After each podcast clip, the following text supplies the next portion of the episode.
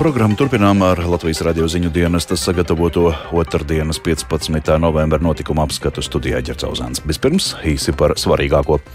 Krievijas masveida raķešu apšauda atstājusi bez elektrības daudzas Ukrainas pilsētas. Varas iestādes ziņo, ka situācija ir kritiska. Ir notikuši uzbrukumi elektroapgādes infrastruktūrai, pārējām uz dzīvi ekstremālos apstākļos, kas nozīmē arī ūdens piegādes nodrošināšanu ar dīzeļģeneratoriem. Jaunā kampaņā aicina ziedot Latvijā ražotu militāro preču iegādēji Ukrainas brīvības aizstāvjiem. Mēs noziedojam kāds pa 10 eiro no ģimenes. Nu, kopumā tas varētu būt no 70 līdz 100 eiro. Līdz 100 eiro nu, aptuveni mēnesī reize. Nu, nebija laikam laikā. Nezinu, nepaspēju. Ārstu biedrība izvēlas jauno vadību par šiem tematiem turpmākajās minūtēs.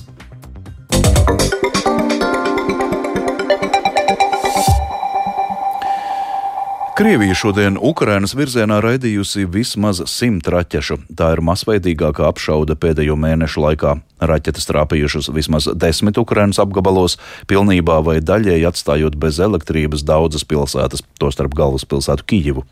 Ukrainas varas iestādes paziņojušas, ka situācija ir kritiska. Vairāk stāsta Tuģis Lībietis.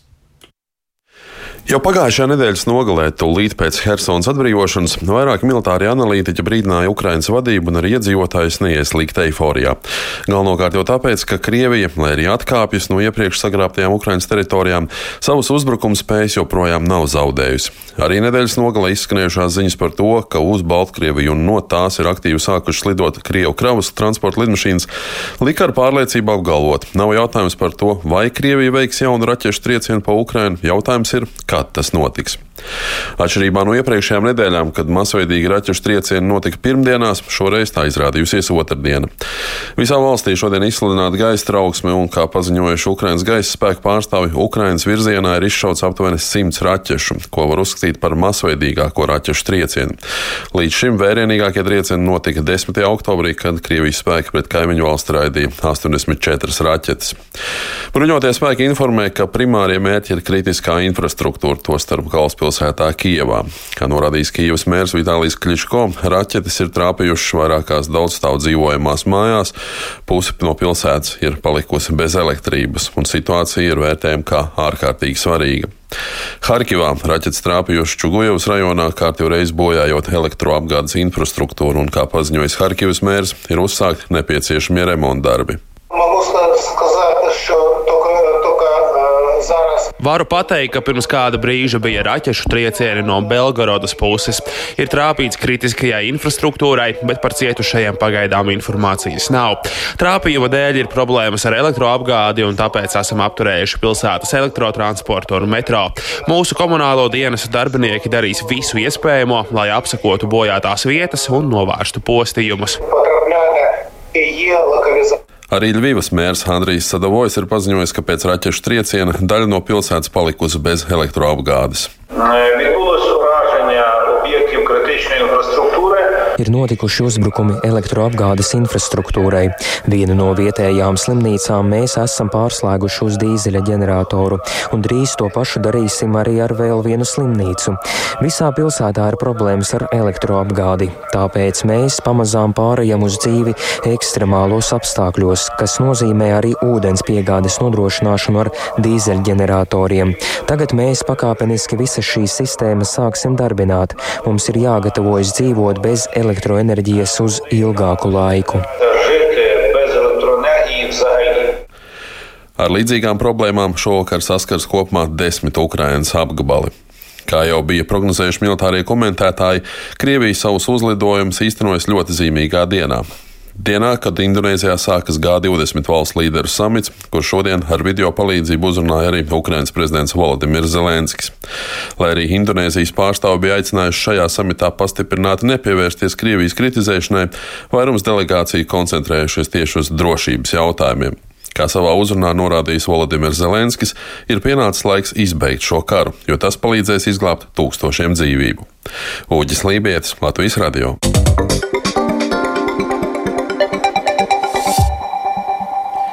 Kopš Krievijas iebrukuma Ukrainā Latvijā notikušas vairākas akcijas, lai palīdzētu Ukrainas iedzīvotājiem un karavīriem. Kopumā ziedoti jau vairāk nekā 13 miljonu eiro, atzīmē Labdarības fondā Ziedot LV, šodien atklājot jaunu kampaņu, kur aicina ziedot Ukrainai militārās preces, kas ražotas Latvijā. Kam tieši var ziedot un ko par regulāriem aicinājumiem ziedot Ukrainai, saka Latvijas radio uzrunātie cilvēki, vairāk Viktora Demīdeva sagatavotajā ierakstā. Dažas sabiedriskās organizācijas kampaņas par Ukrainas neatkarību rīko regulāri, ziedojot Ukraiņiem apģērbu, pārtiku, naudu un pinot maskēšanās tīklus. Daudzi tūkstoši Latvijas iedzīvotāju vairāk kārt apliecinājuši savu nostāju. Arī Latvijas radio galvaspilsētā uzrunātie cilvēki atklāja, ka Ukrainai palīdz. Mēs noziedojam kāds pa 10 eiro no ģimenes. Nu, kopumā tas varētu būt no 70 līdz 100 eiro, varētu teikt. Līdz 100 eiro, nu aptuveni mēnesī reizi. Ir vests uz uh, to punktu kur ar visādas manas var ziedot. Ko tieši kas tur bija? Trauki, apģērbi, sadzīves preces. Sastapu arī kādu rīdznieci vārdā Jelena, kura arī čakli ziedo, bet īsti nezinot, kas ir labuma guvēji. Es pavisam nesen savācu ļoti daudz labu, praktiski jaunu apģērbu, piemēram, bērnu apģērbu, kaut kādus kvalitatīvus apavus, divus lielus maisus aizvedu uz apģērbu pieņemšanas punktiem, kas atrodas pie veikaliem Rimī. Nezinu, vai tas attiecas uz ziedojumiem Ukraiņiem vai kaut kam citam. Parastiem cilvēkiem, varbūt maznodrošinātajiem обеспеченным. Savukārt pāris uzrunātie, aizbildinoties ar laika trūkumu, gandrīz deviņu mēnešu laikā Ukrainai nesot ziedojuši. Jāņem vērā, ka nežēlīgais karš Ukrainā nav atcēlis Latvijas iedzīvotāju problēmas. Taču šķiet, ka kopš februāra uzmanība regulāri pievērsta tieši karā cietušajiem un Ukrainas aizstāvjiem. Tāpēc jautāju cilvēkiem, kā viņi uz šo raugās un vai viņiem tas nesāk apnikt. Tieši, kad vajag palīdzēt visiem tiem ukraiņu iedzīvotājiem, vienkārši viņi varētu teikt, ka viņi tieši karo par mums tieši. Ja nebūtu Ukraiņas, tad arī varbūt visa Eiropas nebūtu. Es domāju, ka noteikti nesāk apnikt. Tas iemesls, kādēļ varbūt mazāk ziedoja viens, ka pierod pie tā, ka ir karš, un otrs, nu, iespējams, ka daļai iedzīvotāji sākusies ziema un varbūt nu, piedomā vairāk pie saviem tēriņiem. Rūpējieties paši par savu valsti. Nelieniet svešā dārzā. Pilsētas centru vēl kaut kā tur uztur un izlaiza, bet tālāk brauksi. Tas ir normāli. Jūs sniedzat palīdzību sākuma stadijā. Malači palīdzējāt sev draudzīgajai valstī. Kā jūs paši uzskatāt, bet laikam jau pietiks, ir diezgan. Ka tur var apnīkt. Tas ir laiks, jāieguldā. Visi cenšas kaut ko darīt. Savu grūti laiki mums sācās. Protams, ka pa priekšu ir jānodrošina savu ģimeni. Tad, ja jums paliek 5 eiro makā, tad tos var veltīt labiem mērķiem. Katru dienu vairāk tūkstoši eiro tiek saziedoti Ukrainai, bet tikpat daudz arī tiek saziedot mūsu līdzcilvēkiem. Labdarības fonda ziedot.lv vadītāja Rūta Dimanta norāda, ka atbalsts vietējiem iedzīvotājiem, salīdzinot ar pagājušo gadu, ir pat nedaudz palielinājies. Savukārt Ukrainai saziedoti jau vairāk nekā 13 miljoni eiro. Šodien ir atklāta kārtējā kampaņa, tajā iedzīvotāji aicināti ziedot Ukrainai Latvijā ražotas militārās vienības. Ziedojot naudu, cilvēki var palīdzēt iegādāties, piemēram, bezpilota lidaparātus, transporta līdzekļus vai speciālos skrējriteņus, kas var sasniegt ātrumu līdz 100 km/h. Viktors Demidovs, Latvijas radio.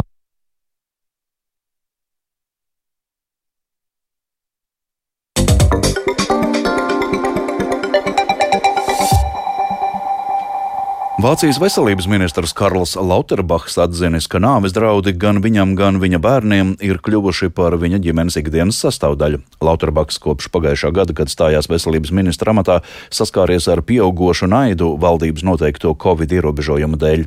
Šī gada sākumā izmeklētāji atklāja pretvalstiski noskaņotu grupējumu, kas plānojuši Lauterbacha nolaupīšanu. Ministrs pagājušā nedēļā brīdināja, ka Vācija virzās uz kārtējo covid inficēšanās gadījumu skaita pieaugumu un kritizēja karantīnas noteikumu mīkstināšanu vairākās Vācijas federālajās zemēs. Turpina Rihards Plūme. Kā intervijā ķelnes laikrakstam izteicies veselības ministrs Karls Lauterbachs, viņš vairs nevar novietot automašīnu pie mājas ķelnē un ka viņam ir nepieciešama personīgā apsardze, lai naktī izietu no mājas. Viņš atzinis, ka pats un arī viņa bērni joprojām saņem šokējošus nāves draudus. Nāves draudi saistībā ar covid-19 ierobežojumiem un vakcinācijas noteikumiem iepriekš ir nosūtīti arī citiem Vācijas politiķiem, tostarp Saksijas federālās zemes premjeram Mihailam Krečmeram. Par draudu mērķi ir kļuvuši arī zinātnieki un mediķi. Bet Rīgas Stradiņu universitātē tieši šobrīd norisinās Latvijas ārstu biedrības pilnsapulce. Tajā biedrības vadība atskatās uz paveikto, bet galvenais - biedrības biedra vēlēs organizācijas vadītāju, viceprezidentus, valdi un dažādu komisiju un arodu tiesas pārstāvjus. Sēdēji līdzi sekon šobrīd ar mums sazinājies ir kolēģis Kristaps Feldmans. Sveiks, Kristap!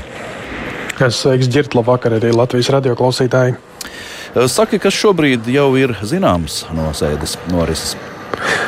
Jā, nu patiesi, kā tu minēji, sēde šobrīd vēl norisinās. Nu, paredzams, ka tā ilgs vismaz līdz 19. vai pat ilgāk. Atgādināšu, ka uz biedrības vadītāja amatu kandidē līdzšanējā prezidenta Ilza Aizsilniece un arī D. Pēteris Apinis, kurš šobrīd vada biedrības ētikas komisiju un ir bijis biedrības vadītājs pirms Aizsilnieces. Šī sēde ir sasaukta atkārtoti, jo pirms mēneša nu, netika savākts kórums. Būtībā nu, šī sēde ir aizkavējās, jo dalībnieku šoreiz ir gana daudz un visi bija jā registré. Pašā sēdes sākumā tas, kas jau ir noticis, eh, vadītāja Ilza aizsilniece prezentēja aizvadīto četru gadu darba pārskatu, nu, viņa izcēla panākumus finansējuma kāpināšanā.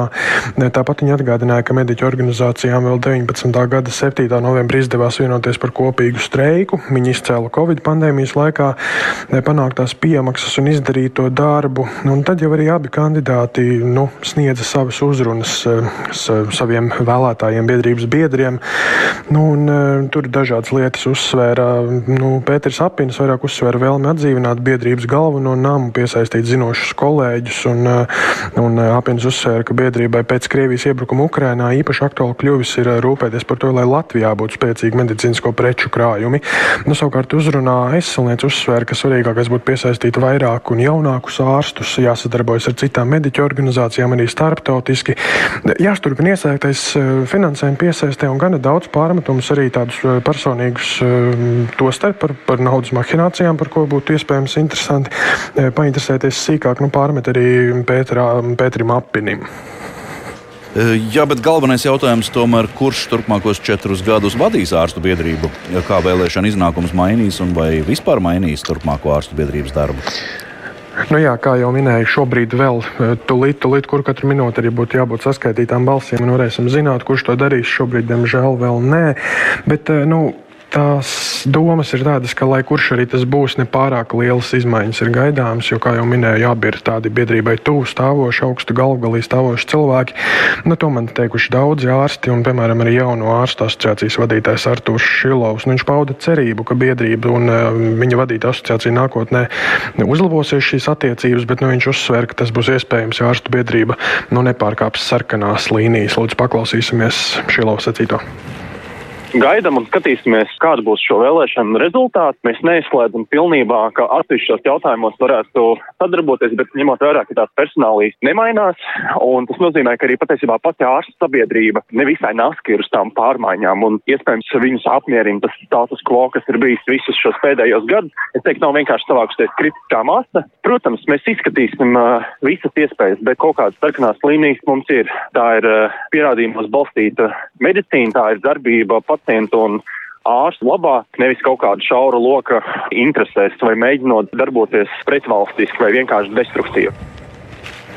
Nu jā, dzirdējāt Latvijas jauno ārstu asociācijas vadītāju Artūru Šilo vēstījumu, bet nu, jāsaka, ka es turpināšu sakot līdzi šai biedrības sēdē un par tās iznākumu noteikti informēšu arī nu, mūsu klausītājus. Jā, paldies Kristaps Feldmanis no Latvijas ārstu biedrības pilnsapulces, kur pat labāk biedrības vadība gan atskatās uz paveikto, gan arī biedri vēlēs organizācijas vadību.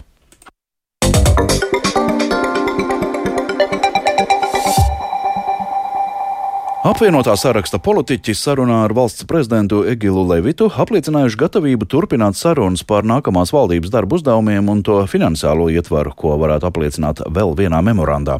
Vairāk stāsta Jānis Kīncis. Apvienotā saraksta pārstāvji īpaši pieteiktā sarunā ar valsts prezidentu Egilu Levitu ir apliecinājuši, ka neliek šķēršļus nākamās valdības izveidēji. Pirmdien izskanējušais vēstījums par nevienošanos atbildības jomu sadalē topošajā valdībā ir bijusi komunikācijas kļūda. Viens no apvienotā saraksta dibinātājiem uzņēmējs Uldis Pielāns pēc tikšanās ar valsts prezidentu norādīja, ka pēc nākamajās dienās gaidāmajām sarunām par budžeta iespējām rosinās vēl vienā memorandā nostiprināt finansējumu jautājumus valdības atbildības nozarēs. Un tad tas iespējams ir tā solidāra atbildība izveidojās pietiekami labi. Tātad šo ministru biedru institūcija tur, kur tas ir nepieciešams, plus dokuments ar uzdevumiem un finansiālo ietvaru.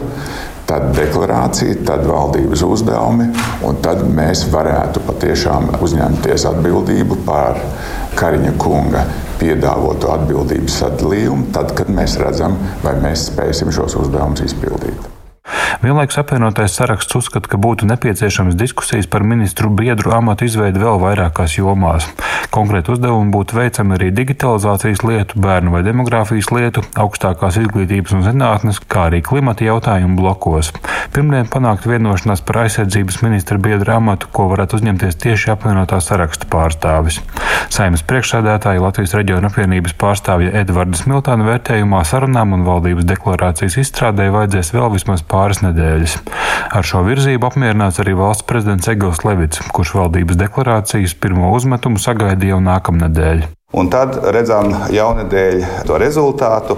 Un arī ļoti svarīgi, kad ir šīs eh, konsultācijas tagad rīt un parīt, kur noskaidrots finansu ietvaru. Tas, es teiktu, ir ļoti konstruktīvs solis ceļā uz koalīciju. Jānis Kincis, Latvijas Radio. Saimnes deputāti sākt pilnvērtīgu darbu komisijās varēs pēc lēmuma pieņemšanas šajā un nākamajā nedēļā. Saimnes priekšstādātājs Edvards Smiltāns no apvienotā saraksta atzīst, ka komisijas varēja sākt veidot jau ātrāk, taču deputātiem un frakcijām bijis vajadzīgs laiks. Vairāk Jāņa Kīņša sagatavotajā ierakstā. 14. saimas pirmo sēdi sanāca 1. novembrī, kad deputāti deva zvērstu vai svinīgo solījumu, kā arī ievēlēja saimas prezidiju. Pēc tam parlamentārieši pulcējās arī uz sēdi par godu saimas simtgadēji, taču plašāka darbība līdz šim izpalikusi. Saimas prezidija un frakciju padome beidzot virzīs uz saimas sēdi lēmumu projektu par saimas pastāvīgo komisiju izveidošanas principiem. Saimas priekšsādātājs Edvards Smiltāns no apvienotā saraksta skaidro, kāpēc līdz tam bija jāgaida divas nedēļas. Varēja ātrāk. Ne, protams, ka varēja ātrāk, bet uh, es respektēju arī opozīcijas vēlmes. Man arī individuālā kārtā ir jautājuši par laiku, kad aptuveni plānots ir veidot šīs komisijas. Jo jauniem deputātiem saprast tieši un iepazīties ar saimnes struktūru un darbu, kura komisija tieši par kuriem jautājumiem ir atbildīga, saprast frakcijās, kā izkārtot šo savus spēkus, izkārtot komisijās. Ja? Tas arī nav vienkāršs uzdevums. Un, un tad arī frakcija iekšienē, demokrātiskā procesā bieži vien ir jānonāk līdz tam zālamam lēmumam. Tas gal galā ir četru gadu posms, kur deputāts, ja viņš ieņem šo pozīciju, tad, tad viņam arī ir šos pienākumus jāpild. Nu, un šis ir īstais mirklis, lai virzītos tālāk. Paredzēts, ka saimnes frakcijām nākamās nedēļas sākumā būs jāiesniedz deputātu saraksts ar deleģējumu darbam konkrētās saimnes komisijās. Šos sarakstus saimnes sēdē varēs apstiprināt nākamā ceturtdiena. Sekojoši tam saimnes sekretārs Armants Kraus no Zaļo zemnieku savienības sasauks visas saimnes komisiju pirmās sēdes. Nākošā nedēļas ceturtdienā varētu komisijas apstiprināt saimā. Tad ķerās klāt sekretārs un sāk saukt komisijas sēdes. Nu, man tas plāns ir, ka tas nekur nekavēšos. Nu, es vēlētos jau uzreiz sākt nākošu ceturtdienu un piekdienu veidot viņus, jo viņš aizņem divas dienas. Tur ik pa pusstundai, kamēr visas komisijas tur balso, un sekretārs novada to sēdi līdz priekšsēdētāju ievēlēšanai. Bet vai visu šo procesu, jūsuprāt, varēja organizēt arī ātrāk? Principā šito darbu varēja, nu labi, nu varbūt tas ir paspēlēt pirmā, otrā sēdē neizveidotas komisijas, bet nu viņi varēja ļoti sen jau to izdarīt. Bet ir politiski apsvērumi dēļ pa valdību kavējās ar savām jomām atbildības. Nu, loģiski arī tad vēl saimā tas debats tāpat ir ievilkušās pa komisijām un tāpēc tas ir aizskavējies. Līdzīga saimnes darba organizācija iekavējās arī pirms četriem gadiem. 13. saima par deputātu ievēlēšanu parlamenta komisijās lēma tikai 20. novembrī, trešajā nedēļā pēc saimas deputātu pilnvaru apstiprināšanas. Tātad šoreiz tas notiks vēl mazliet vēlāk. Turklāt pēc valdības apstiprināšanas paredzams, ka vairāki deputāti kļūs par ministriem, kuru vietā apstiprinās citus deputātus, tāpēc vēl vairāk kārt mainīsies arī komisiju sastāvs. Līdztekus ar dokumentiem par saimnes komisiju izveidi saimnes priekšsēdētājs plāno iesniegt lēmumu projektu, ka parlamentārā līmenī nenotiks arī nekāda sadarbība ar Krieviju vai Baltkrieviju. Jānis Kincis, Latvijas Radio.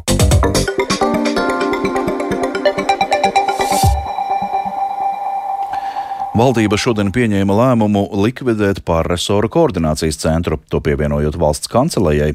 Iestāžu funkcijas ir līdzīgas un saistītas, tāpēc varēs mazināt valsts pārvaldes eh, sadrumstalotību un stiprināt valdības centru. Tomēr ir jautājums, vai likvidējot neatkarīgu iestādi nepastāv kādi riski. Par to plašāk Lindas Spundiņas sagatavotajā ierakstā. No nākamā gada mārta pārisoru koordinācijas centru pievienos valsts kancelējai. Galvenais mērķis pārmaiņām - valsts pārvaldes institucionālās sistēmas pilnveidošana un darbības efektivizācija. Par šādu lēmumu domāts jau sen, norāda valsts kancelēs direktors Jānis Citskovskis. Pārisoru koordinācijas centram gada sākumā tika desmit gadu jubileja sagaidīta, bet jāatzīst, ka nu, vismaz piecus gadus atpakaļ arī bija jau šāda diskusija un viņi atjaunojās pagājušā gada beigās. Pēdējo gadu aktualitātes parāda to, ka ir ļoti būtiski svarīgs valdības centrs un valdības centra spēks, un um, PKC pievienošana valsts kancelējai tiek veikta ar nolūku stiprināt šo valdības centru, koncentrēt tos resursus, kas ir abu iestāžu rīcībā vienā gan mazinot to administratīvo sadrumstalotību, gan stiprinot tās spējas. Nodarbināto skaits netiek mazināts, 25 amata vietas saglabās. Pārresoru koordinācijas centra galvenās funkcijas - valsts ilgtspējas attīstības stratēģijas izstrāde, uzraudzība, nacionālās attīstības plāna izstrāde, dažādu nacionālo plānu uzraudzība, valdības deklarācijas izstrādes koordinēšana paliek, norāda Citskovskis.